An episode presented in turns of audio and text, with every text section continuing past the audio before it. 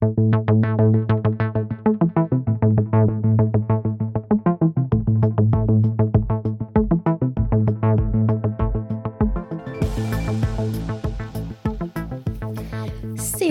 és üdv mindenkinek így enyhén szólva is, megcsúszva és megkésve, de hát ezen a csodálatos április 4-én ki nem érezheti, úgyhogy nincs megcsúszva az élete. Hát igen, mindegy. Eldöntöttem, hogy nem fogok politizálni, mert így is túl sok energiámat emésztette fel ez az egész, és most egy kicsit el akarok menekülni az egész politikai szintértől, és hogyha te is ezt szeretnéd tenni, akkor jó helyen jársz, mert itt most teljesen megfeledkezünk a valóságról, és egy nagyon könnyed témájú, újabb hír összefoglalót ö, tartogatok számotokra, méghozzá egy márciusi kiadást, ugyanúgy, mint ahogy a januári akkor technológia köré összpontosuló epizódban a most is összegyűjtöttem friss híreket az elmúlt hónapok történéseiből, amik most így eléggé komolytalanok a legtöbbje. Azért van benne egy-két, hogy is mondjam, vészjósló hírecske, de hát azokat szerintem most, mostanában el se lehet kerülni, úgyhogy meg igazából csak vészjósló híreket lehet most már találni a neten, mindenhol, de mindegy. Ja igen, ki is vagyok. Petra vagyok, és ez itt az A Cup of Japan podcast legújabb epizódja, ahogy említettem, a márciusi híreket vesszük át. Ez itt egy csésze japán minden a popkultúráról és azon túl Blake mottoja egyében, vagyis aki általánosít, az hülye, mindent a folklórral, művészetekről, undergroundról, filmekről, animékről és nőtörténetről, és még több mindenről is hallhatsz. Szóval, hogyha érdekelnek az ilyen témák, különösen japán orientációban, akkor nagyon jó helyen jársz, kövess be Instagramon is, illetve Spotify-on, hogy nem maradj le egy epizódról és egy posztról se. Na de akkor nem is rizsázok tovább ilyen kis marketing szagú és kicsit döcögősen induló önpromózásról, hanem akkor vágjunk is bele, és hát mondanám, hogy nagyon jóval kecsegtet ez az év eddig ebben a négy hónapban, de nem. Hiszen még egy ómen, ami felteszi arra pontot arra a bizonyos ire, hogy megrepett egy gyilkos kő. Bizony, létezik ilyen, ez a Sessoseki nevű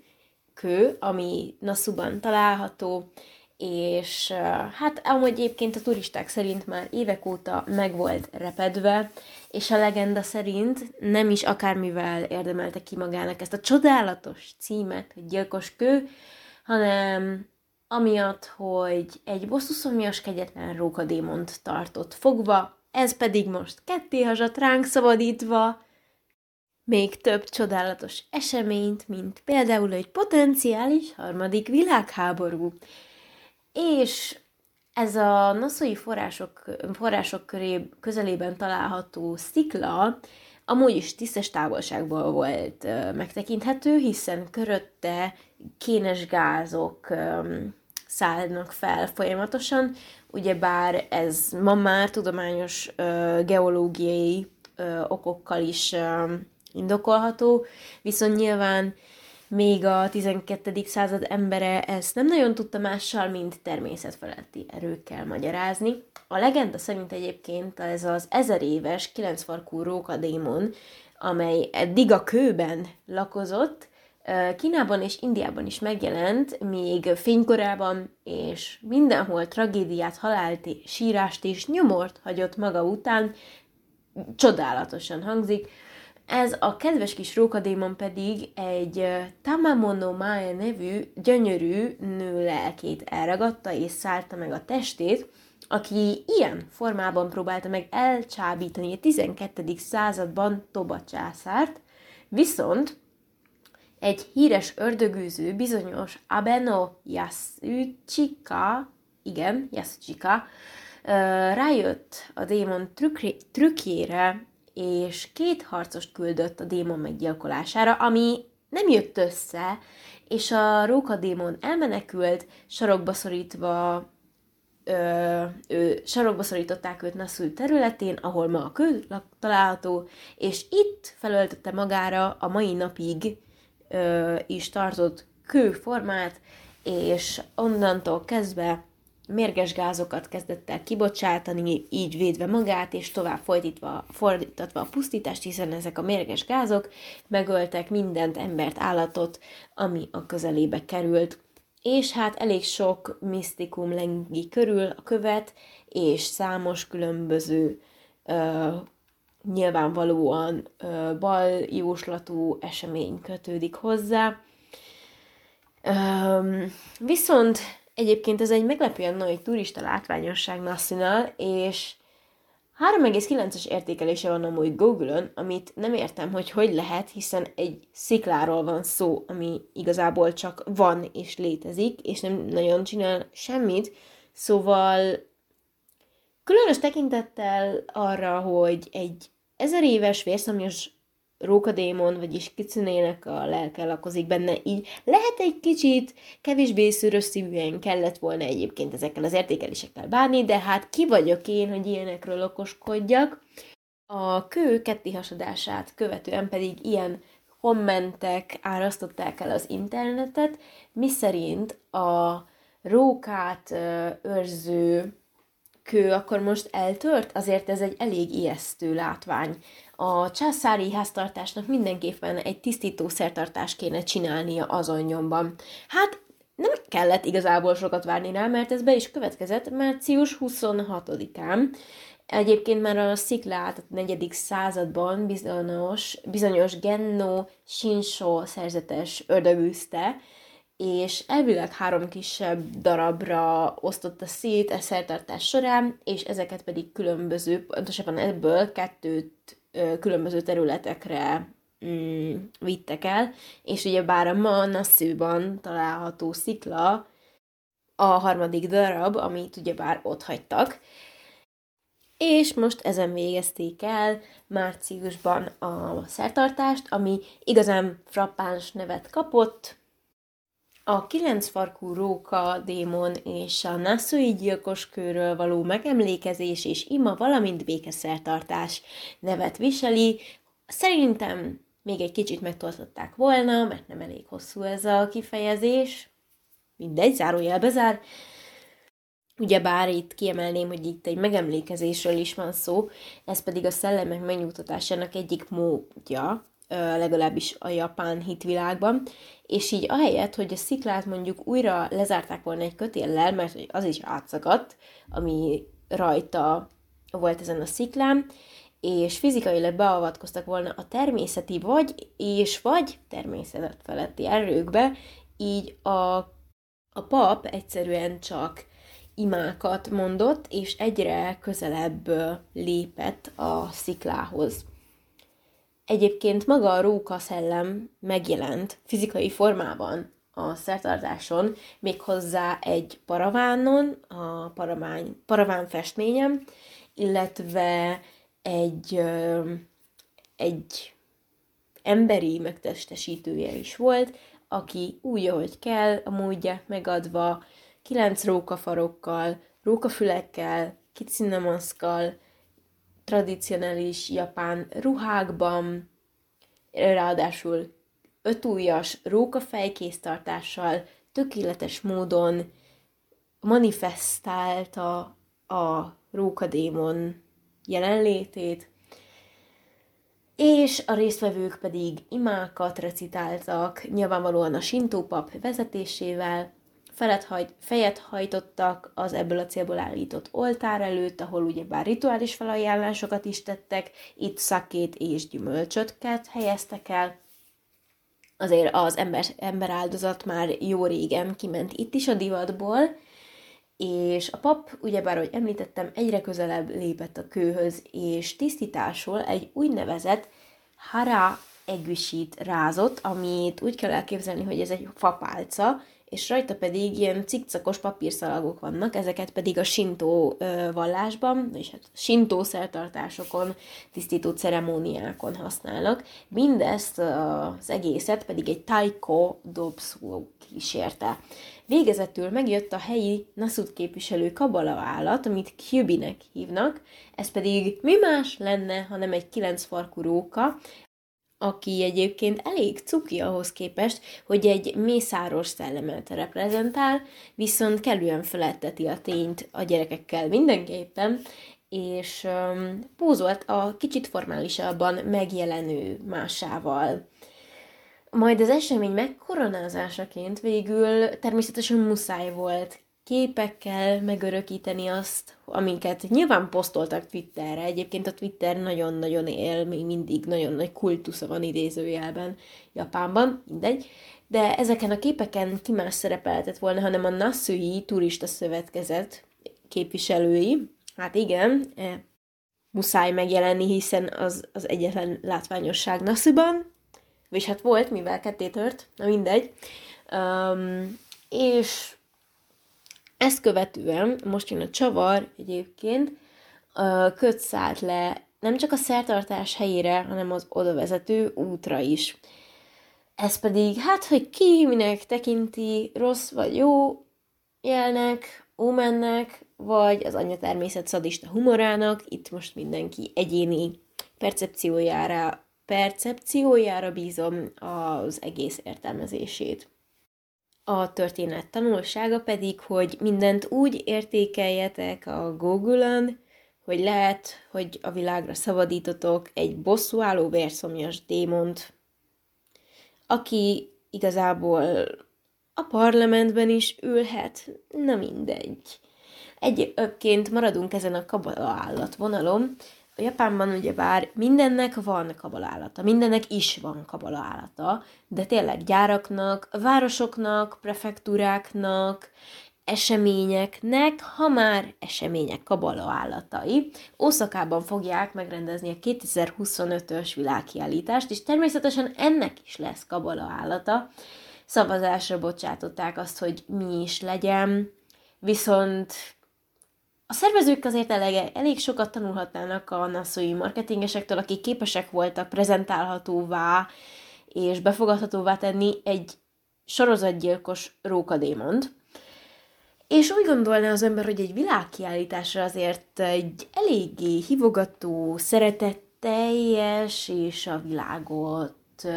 kulturálisan is képviselő kabala állatot fognak megjeleníteni, ehhez képest az oszakai szervezőbizottság bizonyára túl sokat nézte, vagy a Szörnyertét, vagy a Neon Genesis evangelion aki erről az anime műremekről amúgy lemaradt, az gyorsan menjen el megnézni, főleg mert így jobban érti a referenciát is, illetve ha nem látod a Szörnyertét, akkor is ugyanez igaz. Oké, okay, vissza a hírre, Három opciót tettek közzé egyébként Twitteren, és igazából egyik kevésbé, egyik szalonképesebb volt, mint a másik. Potenciális rémárok őrének kellett elvinni végül a pálmát, nem mint hogyha a többi nem lett volna az, hogy is kell ezt elképzelni. Egyébként nyilvánvalóan meg fogom osztani Instagramon, szóval mm, mm, mm, kövess be, igen. Én személy szerint leginkább úgy tudnám leírni, mint egy softcore medúza ábrázolás, némi pókember komplementer komplexussal, de az örök kedvencem az ez a Twitter komment, idézem, úgy néz ki, mintha elmót megolvasztották volna Szezám utcából, és rárakták volna az elfolyó sütiszönyre.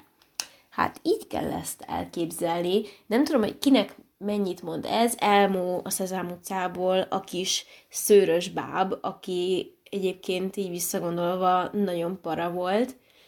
A sütiszöly szintén ugyanúgy a Szezám utcából való, ő pedig a süti szörny, aki mindig sütit eszik, és kék. Szóval így jön össze a kettő ebből. Valamint még hasonlítható Miao, mi, mi, mi? Miyazaki Hayao csak összejön. Um, Nausicaa a Szélharcosai című filmből az úgynevezett uh, isteni harcos, harcos isten, azt hiszem valahogy így, így hívják a karaktert magyarul, angolból, nem tudom ki nézte angolul, neki hát ha mond valamit, God Warrior-re hasonlít, az is kb. annyira hívogató egyébként, mint a Dementorok a Harry Potterből. Um, hát igen, nem jött össze, amit szerettek volna a szervezők. Twitteren egyébként azt írják, hogy úgy fogják nevelni és gondozni ezt a kabalát, mint ami világszerte mindenki számára kötődést és szeretetet fogja reprezentálni. Hát, én értem, hogy nem minden a külső, de megkérdőjelezhető ennek a kabalálatnak a sajtóértéke. Meg úgy mondjuk így morálisan is megkérdőjelezhető, nem mindegy.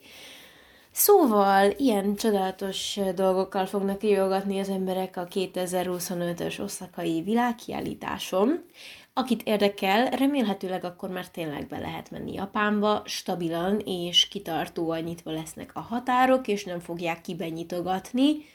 mint Jim Carrey az Ace Venturában a teraszajtót. Teljesen más vizekre evezünk, és hát most jön a fekete leves, hiszen a japán iskolai szabályokat egyre szigorítják, ezek már-már tényleg ö, drákói szigorúságról tanúskodó dresszkódok, megszabják ugyanis nagyon sok iskolában, hogy nem csak magát az egyenruhát kötelesek viselni a diákok, de azt is megszabják, hogy milyen hosszú lehet, és milyen színű a hajuk, ezt egyébként vannak olyan munkahelyek is Japánban, ahol szintén szabályozzák. Én olyat hallottam egy japán sráctól, aki egyébként youtuber, és ő Mekiben dolgozott Japánban, hogy az egyik kollégájának sötétbarna volt, lett a haja, azt hiszem igen, be lett festve a csajszínak, és valami fekete sprével, ugye össze kell fonni, össze kell kontyolni nekik a hajukat, és arra felvenni egy baseball sapkát, így kb. nyilván semmi nem, játszott, nem látszott a csajnak a hajából, főleg, hogy konyhán dolgozott, de valami fekete sprével befújta a csajnak a haját a főnöke, hogy az fekete legyen és ne üssön ki. Hát most ez, hogy mennyire volt célszerű, semennyire, mennyire volt szükségszerű, semennyire, mennyire abúzív, teljes mértékben, azért nem csak ilyenek történnek a japán iskolákban, voltak ebből fakadó visszaélések is, amikről most is szó lesz, úgyhogy szerintem, ha kávézol, tedd le, mert a vérnyomásod az egeket fogja verni, anélkül is a következő percekben, de megnyugtatásul közöm, hogy ennél egy kicsit könnyedebb témával fogom zárni majd az epizódot. De vissza a való világ borzalmaihoz ugyebár nem sminkelhetnek, nem festetik a körmüket, és még azt is sok iskolában, nem minden iskolában, és nem ez a többség, de igenis egyre nagyobb arányban megszabják azt is, hogy milyen fehér neműt hordhatnak a diákok. És itt most a lány diákokat értem ez alatt. Um, az pedig még kevésbé oké, hogy mi áll ennek a hátterében, ugyanis azzal indokolják, hogy ez szexuális abuzálásra adhat okot, hiszen a, ha mondjuk olyan fehér neműt vesz fel egy diák, ami átüt a szoknyán, vagy mondjuk a testnevelési egyenruhán, akkor az valakiket szexuálisan, az szexuálisan kihívó lehet, és így akár molesztálás áldozatai is lehetnek, valamint azzal felgerjesztik a fiúk érdeklődését. Viszont ezzel jelentősen megtiporják nem csak a, nem csak a személyi jogaikat, de így emberileg, morálisan sem oké, okay. főleg tényleg ez erre nagyon nehéz szavakat találni, főleg azért, mert ebből fakadóan rengeteg szexuális visszaélés is történhet, pont emiatt, és történt is. Korábban um, Nagasaki prefektúrában kb. 60 százaléka a régió iskolái, prefektúra iskoláinak, ezek egyébként itt a köz gimnáziók, közgimnáziumok, alsó és felső gimnáziumok értendőek ez alatt. Megszabják azt, hogy fe, csak is kizárólag egy egyszerű fehér ö, alsó neműt viselhetnek a diákok, és annak érdekében pedig, hogy ezt ellenőrizzék, bizonyos tanárok ö, felállítják sorban a diákokat, és a szoknyáikat felhúzatják, és megnézik. Hát azt remélhetőleg nem, hogy mi van a bugyiban, de azt igen, hogy milyen bugyi van rajtuk. Oké? Okay? Oké okay, ez így? Nem, nem oké, okay, ez kurvára nem oké, okay, és valamilyen szempontból még értékelendő, hogy Magyarországon viszonylag megmaradtak a személyiségi jogaink, mm, ez minden tekintetben visszataszító, hogy ilyen megtörténhet, és Kawasaki-ban, Kanagawa prefektúrában, bizonyos elemi iskolákban pedig arra kötelezték a diákokat, hogy vegyék le az alsó neműjüket, és úgy öltözzenek át ö, testnevelési ruhába, mivel hogy az összeizzadt alsóneműk, azok nem higiénikusak. Viszont nyilvánvalóan nagyon sokan szeretnének alsóneműt viselni, mert nem érzik magukat komfortosan, mert nem érzik magukat biztonságban anélkül, és ehhez pedig muszáj nekik tanári engedélyt kérni, hogy egy kibaszott bugyit felvehessenek edzésre. És őszintén nem tudom, hogy kinek juthat ilyen eszébe, hogy azért, mert valami ott, valaminek a vonala ott felsejlik, ami egyébként egy teljesen általános ruházati cikk,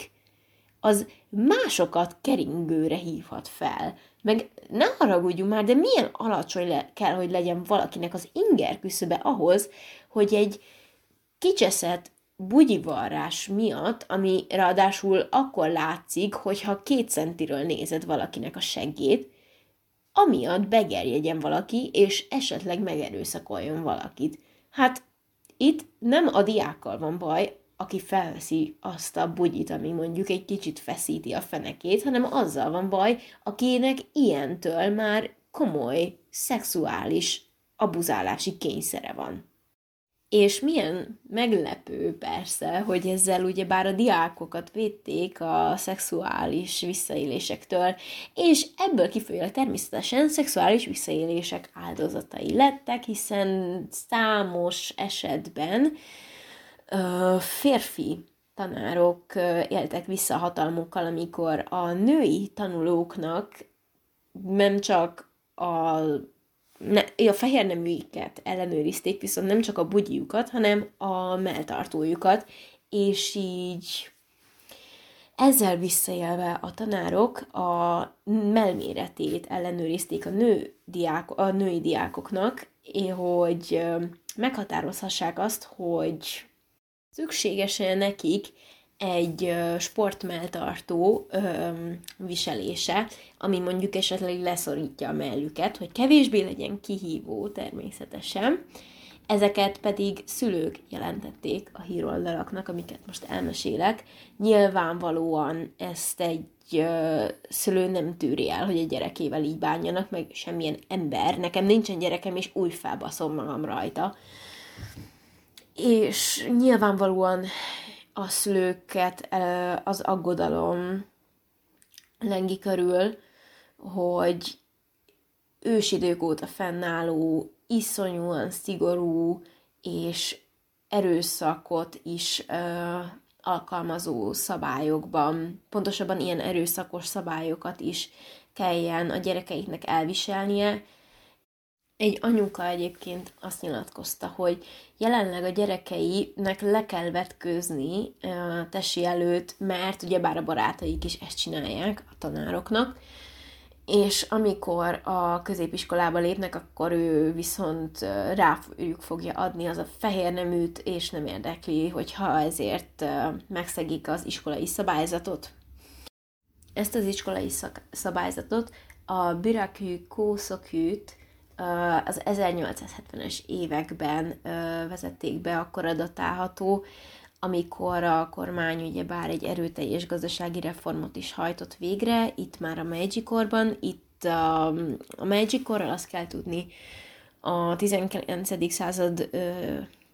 második felétől tartott a 20. század elejéig,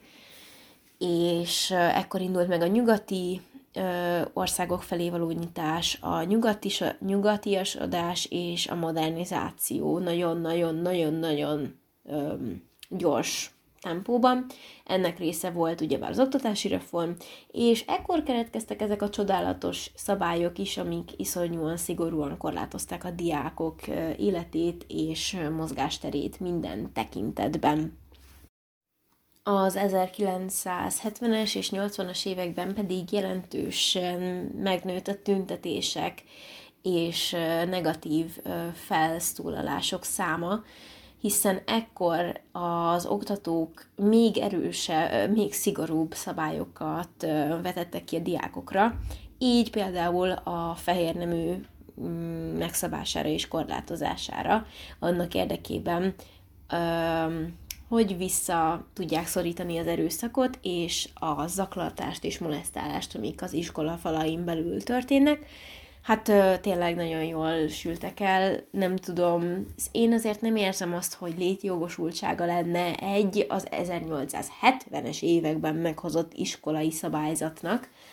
de lehet, hogy én gondolom rosszul, meg mondjuk azok a szülők, akiknek nem tetszik, hogy konkrétan striptizelni kell a gyerekeknek tesi előtt. Ráadásul a szabályok tényleg effektívek voltak egy ideig, hiszen jelentősen lecsökkentek az iskola falain belül történő bűnesetek is. De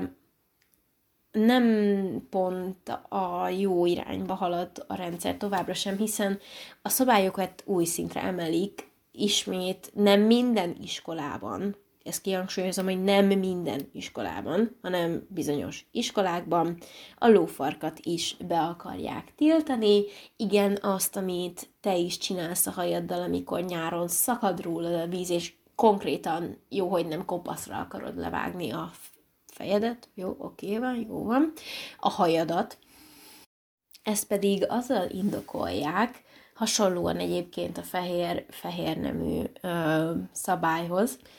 hogy a nyak felfedése ezzel a hajviselettel ö, szexuálisan izgathatja a férfi diákokat, a fiú diákokat, és így aggódnak, hogy a fiúk ö, szexuálisan fogják megközelíteni a lányokat.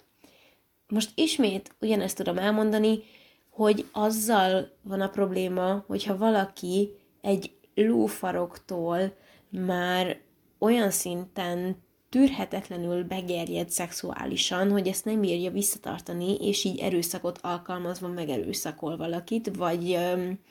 vagy emiatt abuzál valakit. Tehát itt ismét nem az áldozatokat kell lekorlátozni, hanem a bűnelkövetőket. És ezt akárhogy lehet szépíteni, hogy ez a lányok érdekében történik, de itt akkor is igazából egy rohadtul erős victim blaming történik.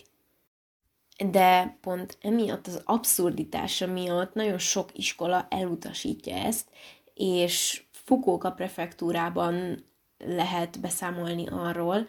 a déli részén, hogy tízből egy iskola betiltotta ezt a hajviseletet ilyen okokból. Nyilvánvalóan a szülők körében is ez borzasztó nagy nem tetszést váltott ki, a tanárok körében is, a diákok körében pláne, viszont az a baj, hogy ezeket a drákói abszurd szabályokat már olyan szinten normalizálta a társadalom a legtöbbjét, amik már tényleg az 1800-as évek vége óta beleivódtak a társadalmi rendszerbe, az oktatási rendszerbe, hogy nem tudok mit csinálni vele, csak elfogadni. És itt egy percepcióváltás is kéne, meg egy oktatási reform is ismét, bár ez ugyanígy elmondható a magyar helyzetről is, hogy nagyon sok szexista ö, tiltást és diszkriminatív tiltást el kéne törölni, mert ezek iszonyúan enyhén szólva avittak, és nincs helye a gyermeki önkifejezés korlátozó szabályoknak a társadalomban sehol. És ez a podcastnek a célja, a rendszerkritikusságra felhívni a figyelmet, hogy igenis, bármennyire imádom a japán kultúrát én is, nem tökéletes ország, nem élek burokban, ezekről beszélni kell, ezekről rohadt ritkán esik szó, hogy ott milyen társadalmi problémák vannak. Arról is ritkán esik szó, hogy az országok között milyen interkulturális kapcsolatok és ellentétek is vannak. Ezeket pedig össze kell mérni a különbségeiket és a hasonlóságokat, és levonni a tanulságot. Úgyhogy, ha már csak egy epizódot meghallgatsz, és tanulságot akarsz levonni, vagy egy üzenetet, akkor az ez legyen, gondolkodj kritikusan, és most úristen, nem, nem akarok nagyon nagy megmondó ember lenni, csak az iszonyúan erős igazságérzet szól belőlem, és az, hogy, hogy megfogadtam, hogy nem fogok politizálni, de ez tényleg az utolsó olyan, amit ebben a részben hozzáfűzök a jelenlegi magyar állapotokhoz, hogy itthon nem azt látom, hogy használnák a saját agyukat az emberek, és nem azt látom, hogy mernének saját gondolatokat megfogalmazni, ne adj Isten valami ellen felemelni a hangukat, és tényleg önálló véleményt formálni, kritikusan gondolkozni. Ezeknek itthon nagyon-nagyon-nagyon-nagyon csökken az aránya. És ne, ne legyetek ilyenek, tényleg gondolkozzatok, azért próbálok ilyen nagyon figyelemfelkeltő és provokatív témákat felhozni, hogy erre buzdítsak mindenkit, hogy olvassatok a világban, és legyetek nyitottak más kultúrák iránt, és tanuljunk más országok szociális és politikai, gazdasági problémáiból, és mondjuk le a tanulságot, amiktől mi többek leszünk, vagy amiktől a környezetünk több lehet. Na, ennyi volt igazából a buddha megnyilvánulásom, tényleg nem leszek megmondó ember, nem akarok az lenni, csak ez, ez egy kicsit az én lelki terápiám is, hogy ezeket kiadhatom magamból. És ha kicsit is tudsz azonosulni ezekkel a gondolatokkal, talán neked is adhat egy kis megnyugvást az, hogy igenis van helye annak, hogy neked nem tetszik valami, és ennek hangot adsz, és önálló gondolatokat megformálsz, és azokat a világnak a tudtára adod. Ennek helye van, ennek kell, hogy helye legyen. És most, hogy ilyen szinten leszedáltam az idegrendszeremet, most már tényleg sokkal, sokkal, sokkal pozitívabb és nyugodtabb vizekre evezünk, vagy mondhatnám azt, hogy buszozunk, úristen, nagyon rossz, mert a sauna buszról lesz szó, ami létezik Japánban. Tavaly novemberben ugyanis bejelentették, hogy a Hyogo prefektúrában található Himeji városban az üzemen kívüli e, buszokat, a régi, hát leszázalékolt buszokat átalakítják, és sauna busszá fogják őket varázsolni. Ez egyébként a Shinki busztársaságnak a találmánya, ugyanis ezzel akarták elkerülni azt, hogy kárba vesszen egy csomó egyébként megfelelő állapotban lévő busz, viszont az már köz- tömegközlekedésre fel nem használható. Ezzel ugyebár a környezetet is védik, hiszen így nem kell azokat a roncstelepre vinni, szé- ö, nem kerül hulladék a természetbe, semmilyen tekintetben, plusz egyedi és sokszínű terméke lesz a társadalomnak. És amúgy csak mostanában nyitott meg, ugye bár említettem, hogy tavaly novemberben jelentették be, mostanára valósult meg a kivitelezés, mostanára lett kivitelezve, és hát varázslatos módon jelenik meg, mint a varázslatos iskolabusz, nem tudom kinek van meg az a mese, a gyerekkoromnak a quintessenciája volt, de mindegy, és ugyebár így tök meglepetésszerűen parkolhat bárhol Himeji városban, de általában amúgy fürdőházaknak, onszeneknek, fürdőknek a parkolójában szokott megállni, és a bejáratnál még ruhatárat, illetve törölköző, köntös bérlőhelyet is biztosítanak. Van személyzet is, Tehát nem úgy kell elképzelni, hogy becsületkasszáson oda szambázok, és akkor én most csak úgy beülök random bármikor szaunázgatni, hanem ott van személyzet, aki ellenőrzi azt, hogy rendeltetésszerűen van-e használva, illetve hogy hányan használják, hiszen egyszerre csak 10 fő ülhet a busz hátuljában kialakított szaunába. Nem az egész buszt csinálták meg szaunának, a többi részein igazából egy ilyen kis ingyen teázó rész van, be lehet ülni, melegedni, ugyebár a rossz időben. Továbbá biztosítanak egy felfújható medencét is, ahol leüthetik magukat a vendégek, valamint a busznak a paneljára, ugyebár nem a, a megállókat, jelöli a kijelző, vagyis hát nem a hagyományos értelembe vett megállókat, hanem a sauna, fürdő, nyitott fürdő és a minden rendben van feliratok jelenhetnek meg ezen a panelem. Egyébként 70 fokra is felfűthető az a sauna, és um, egy kájha az, ami ott uh, fűti ezt a elkerített térséget, területet a buszon belül, valamint ugyebár a, szau, hagyományos szaunában található forró kövek, amiket vízzel locsolnak, szintén megtalálható benne a páratartalom és meleg biztosítása érdekében. Viszont hozzáteszem, hogy ez nem úgy megy, hogy egyben városnézésre is elmehetünk, mert ugyebár ez egy négy keréken vagy sok keréken guruló sauna, nem vezethető a busz, miközben használatban van a sauna, hanem csak és kizárólag parkoláskor. A következő egy, hát egy tényleg szívmelengető hír, ugyanis egy tokiói bentőzlet, a Kitchen Drive, egy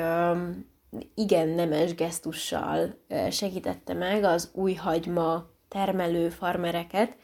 hiszen olyan bőtermésnek örventek, ami átokba csapott át, és már vevőt sem találtak az új hagyma termesztők, annyit ö, szüreteltek le,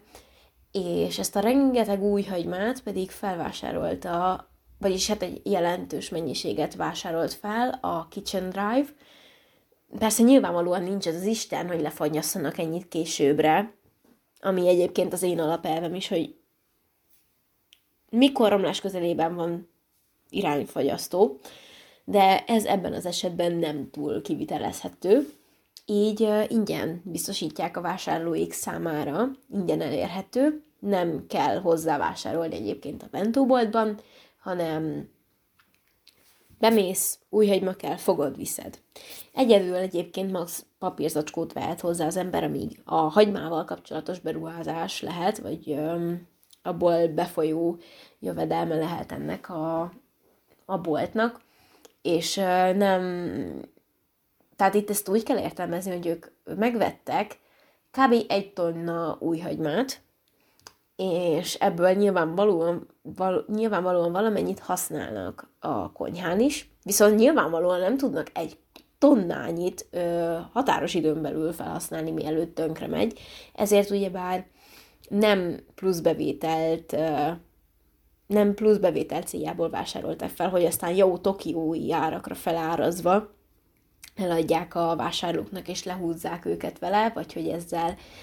kihasználják a nagykereskedőket, a farmereket, hanem tényleg teljesen ingyen mehet érte bárki, ráadásul 24 órán keresztül, hiszen egy 0-24-es üzletről van szó, ami amúgy nagyon gyakori Japán, Japánban, és a legtöbb volt és szórakozóhely, vendéglátási egység nyitva van 0-24-ben. A Manakineko ugyebár sokaknak ismerős lehet, ez egy szerencsehozó amulett, ami minden Z-kategóriás kínai étteremnek az alapvető berendezési eszköze, ez az integető macska, aminek vagy a jobb, vagy a bal karja integet, attól függően, hogy melyik integet, vagy vagyont, profitot ö, hoz, és ezáltal szerencsét az ember életébe, ö, vagy pedig jó embereket hoz az életébe, és ebből kifolyólag ö, helyezik el nagyon sokszor bejáratoknál, ugyebár a vendéghívogató ö, hatása, hatása miatt, amit egyébként a jobb karja így, ö, tud kiváltani, a bal karja pedig, nem, bocsánat, a bal karja vonza be a jó embereket, és a jobb karja pedig a vagyont és gazdasági sikert, így nyilvánvalóan üzleteknek az elengedhetetlen kelléke. És a macskáknak amúgy is nagy kultusza van Japánban, úgyhogy ott kifejezetten népszerű. Ráadásul a Gotokuji templomban manekinekók százai ö, várják az odalátogatókat, tehát egyfajta szakrális szerepet is betöltenek ezek a macskák. Nyilvánvalóan ennek nagyon sok mm, populáris kultúrába beágyadozódása révén nagyon sok replikája kérde, megkérdőjelezhető minőségű példányai is megszülettek, amelyek elérhetőek mondjuk Amazonon, ahol a Starist Giant Cat Ornament Muscular Giant Arm Feng Shui Fortune Sculpture Weaving Arm Fortune Wealth Welcome Store Opening Decoration Collection Left Robbery. Nagyon frappáns és rohadt egyszerű névre hallgató darab is elérhető, ami a létező, talán legrosszabb értékelést kapta az elérhető manekinekók között. Hozzáteszem, egyetlen egy értékeléssel rendelkezik, és az is negatív, hiszen törött karral érkezett, úgyhogy igazából így a rendeltetésszerű használata már így ö, megvalósulhatatlanná vált. Ráadásul mindössze 1570 jenbe kerül, szoroz be hárommal, én lusta vagyok kiszámolni. Um, minden esetre egy újságíró ennek ellenére ki tudja, milyen győzködések árán, de úgy döntött, hogy megrendeli ezt a macskát, és hát nem csoda, hogy amúgy nagy bátorság kell ahhoz, hogy megvegye az ember, hiszen benne van a nevében az, hogy robbery. Most miért akarna az ember megvenni egy olyat, aminek benne van a nevében, hogy robbery? Mondjuk az tény, hogy az ára tényleg kész rabrá, rablás, szóval ilyen szempontból mondjuk frappáns az elnevezés is.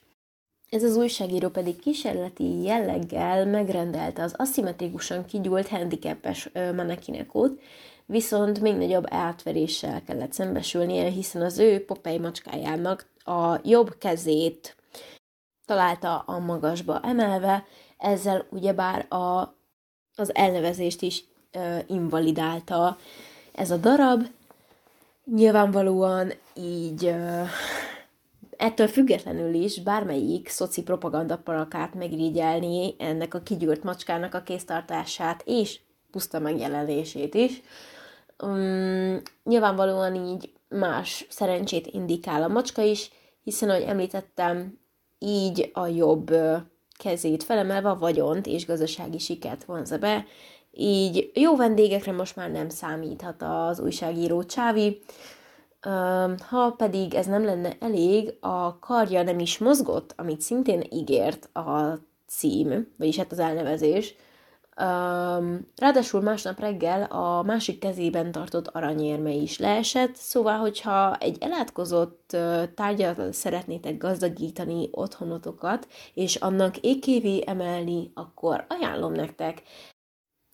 a Star Giant Cat Ornament Muscle Giant Arm Feng Shui Fortune Sculpture Weaving Arm Fortune Wealth Welcome Store Opening Decoration Collection Left Arm Robbery darabot. A kapitalista buzgóság másik nemes darabjával zárnám ezt az epizódot, a Rainbow Mini szar alakú fürdőbombával, jól hallottátok, szar alakú fürdőbomba, ami sajnos még nem elérhető a lásban, de ki tudja, mint hoz jövő. Itt remélem, hogy van a hallgatóság között egy lás marketinges, vagy lásban dolgozó egyén,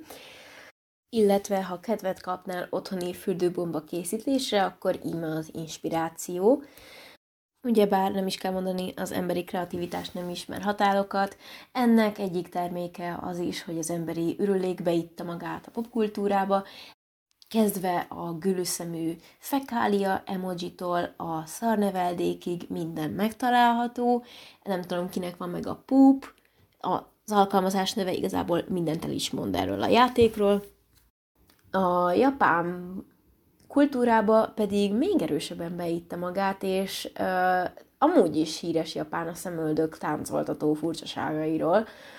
Különösen nagy közkedveltségnek örvend egyébként a jó emésztés szimbolizáló kíváncsi szemű kupacka kispirál,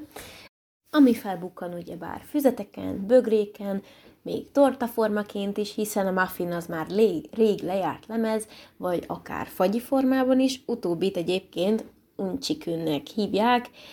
inkább ijesztő, mint cuki, és nem csak azért, mert szó szerint szarul néz ki, de hozzáteszem, mi sem maradunk el azért annyira tőlük, hiszen mi olyan szintre emeltük ezt a végtermék imádatot, hogy egy balszos székletet emeltünk a köztársasági elnöki pozícióba, hogy ott székeljen évekig,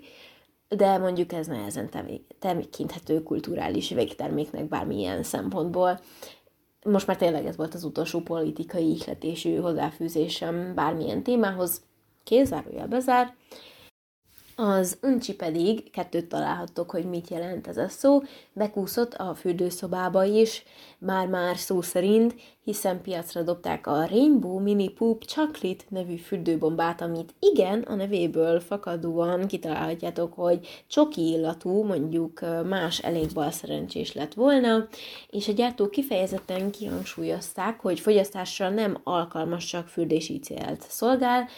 bár ez egyértelmű lehet a legtöbb ember számára, mondjuk biztos van, aki ráfanyalodik, főleg az, aki mondjuk szaralakú sütit akar sütni otthon, ezért beruház egy szaralakú muffin formára, mondjuk az esztétikai küszöböt még a poop emoji is éppen hogy eléri, amit egyébként ez a fürdőbomba is reprezentál. A realisztikusság, hála Istennek, záros